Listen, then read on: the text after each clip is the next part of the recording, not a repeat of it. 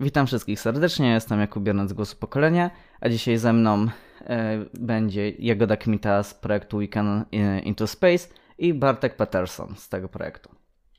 Witam wszystkich. Okej, okay, no to zaczynając na wstępie e, nasz, naszą rozmowę.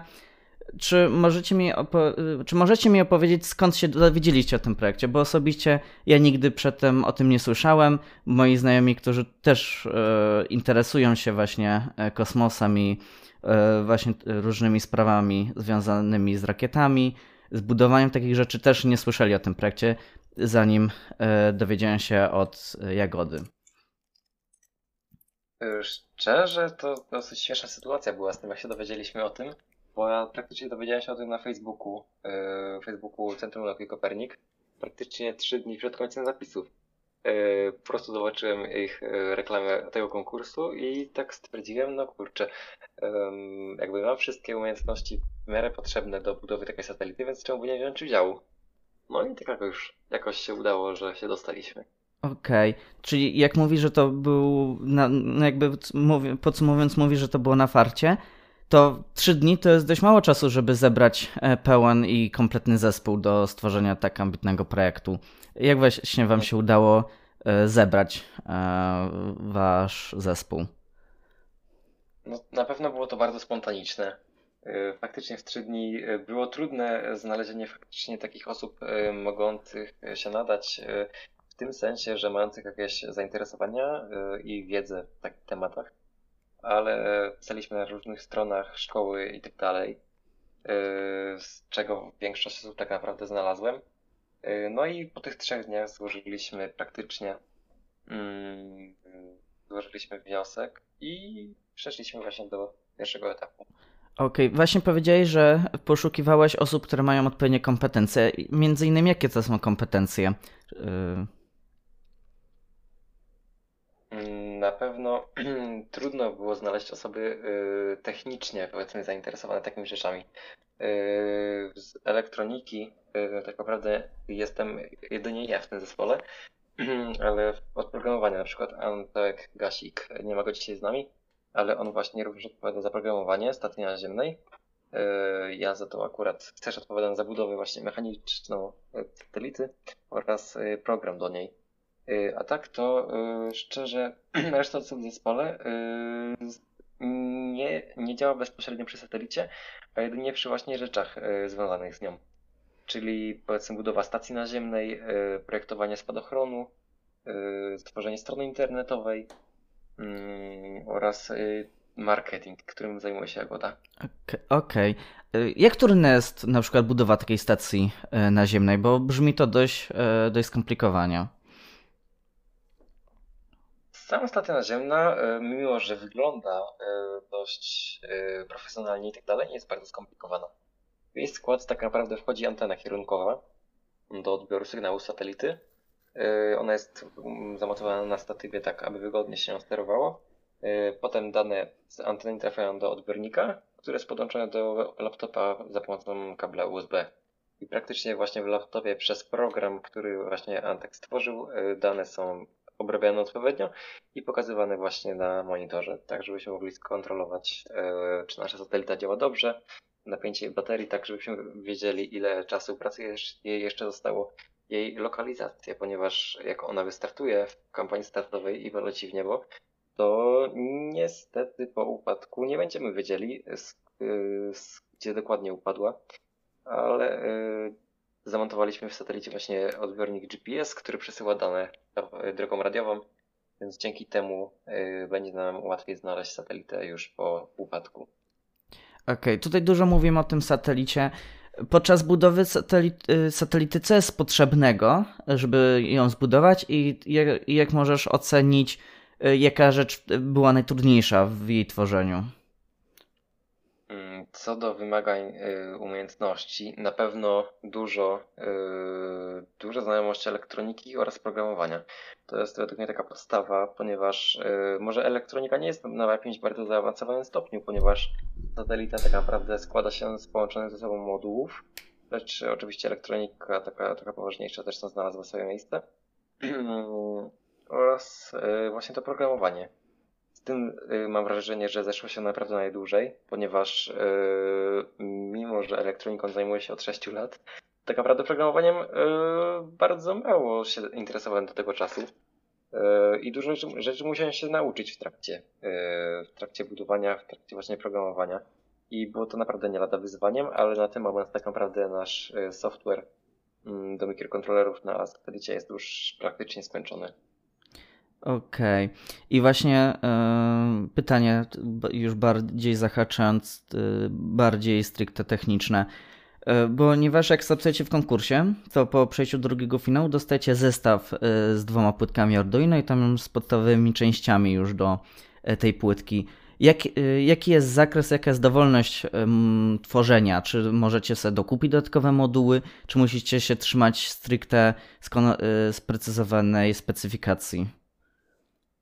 Yy, zestaw Kansas Kit, yy, no, on jest przysłany praktycznie każdej drużynie, która przejdzie do drugiego etapu, lecz tak naprawdę dowolność jest już yy, całkowita. Nie musimy, broń Boże, wykorzystywać tego zestawu. To jest jedynie taka od organizatora pomoc, jeśli nie budujemy jakiejś bardzo zaawansowanej technicznie satelity, czyli przeważnie gdy budujemy jakąś misję czujnikową, czyli taką jak naszą, to po prostu najłatwiej wykorzystać e, taką płytkę dostarczoną przez organizatora, ponieważ właśnie znajduje się w niej tak naprawdę cały mikrokontroler, chociaż my używamy dwóch ze względu na ilość czujników.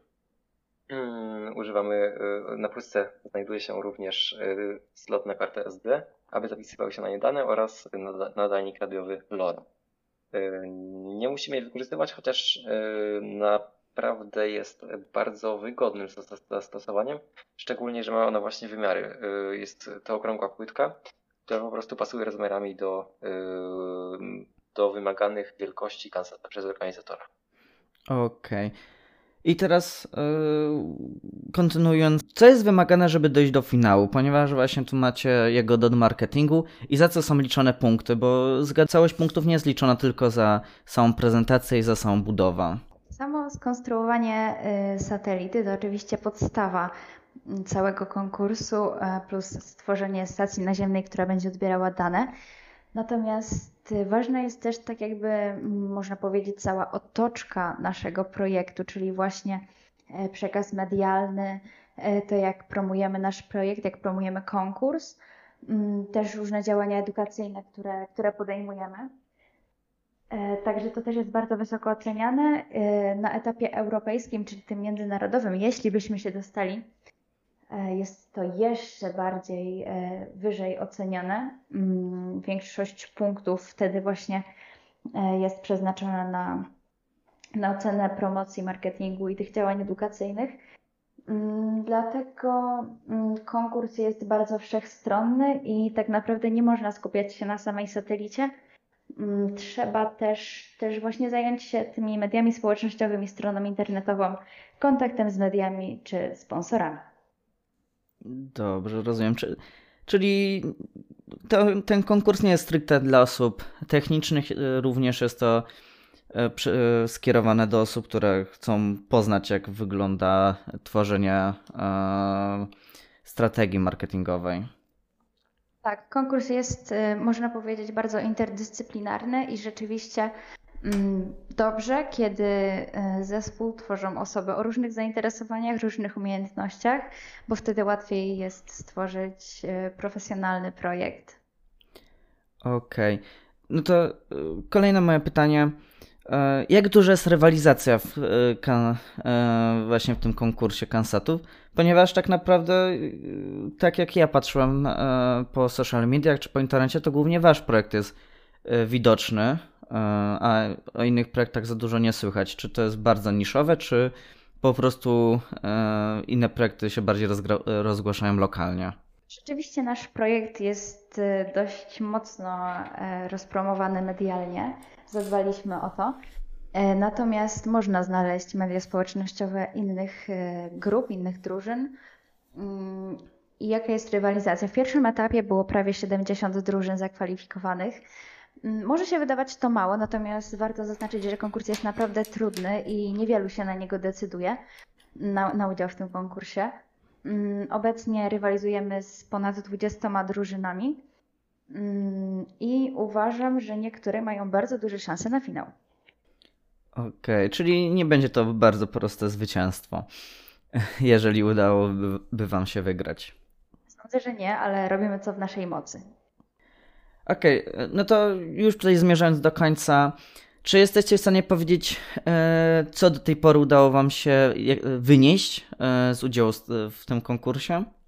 Mm, na pewno dużo się nauczyliśmy podczas i budowy e, tej satelity, oczywiście takich umiejętności czysto technicznych, takich jak właśnie te postępy w programowaniu, w elektronice, ale również dużo na przykład można się nauczyć o właśnie prowadzeniu takiego zespołu pod względem właśnie promowania takich działań zdobywanie właśnie yy, sponsoringu, tak aby można było sfinansować cały projekt.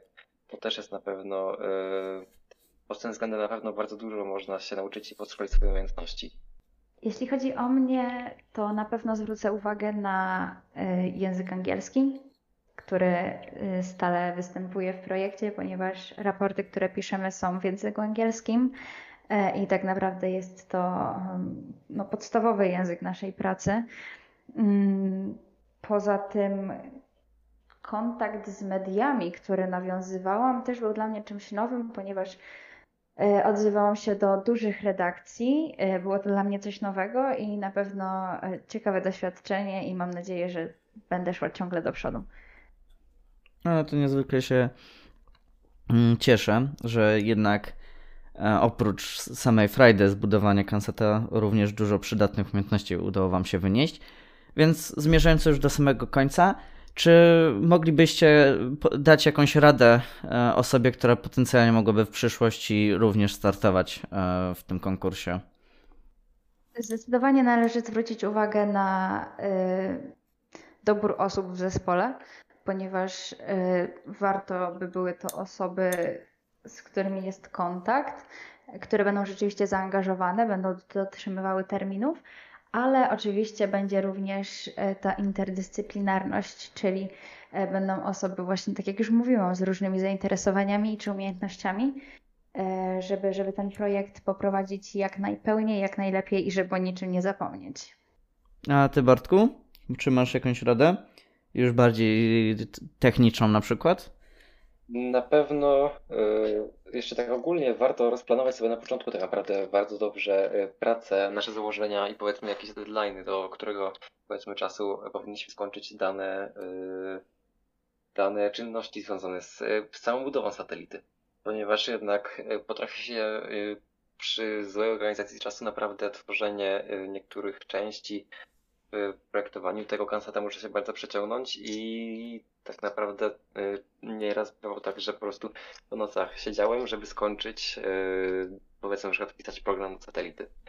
Dlatego warto również sobie y, dobrze rozplanować czas oraz dobrać jakieś osoby. Mm, warto na pewno nie robić tak jak my, czyli już wcześniej przed zgłoszeniem się do konkursu zebrać dobry zespół, gdzie faktycznie będzie ta interdyscyplinarność, gdzie będą osoby podzielone na te bardziej właśnie od strony marketingowej, od rozgłaszania y, zespołu w mediach, znajdowania sponsorów, ale też również osoby techniczne, y, w tym sensie, żeby było kilka takich osób w miarę możliwości. Żeby nie było powiedzmy, powiedzmy w tym sensie, że było jakieś wsparcie od innych osób w zespole, też właśnie takie techniczne, żeby osoby powiedzmy były w zespole również takie, które się interesują tematami technicznymi i mogą w jakiś sposób pomóc, pomagać sobie nawzajem w budowie takiej satelity. Na pewno pod tym względem e, jest łatwiejsza taka budowa. Okej, okay, bardzo dziękuję za wywiad ze mną. Z tej strony był Jakub Biernat z Głosu Pokolenia, a ze mną byli Jagoda Kmita oraz Bartosz Peterson.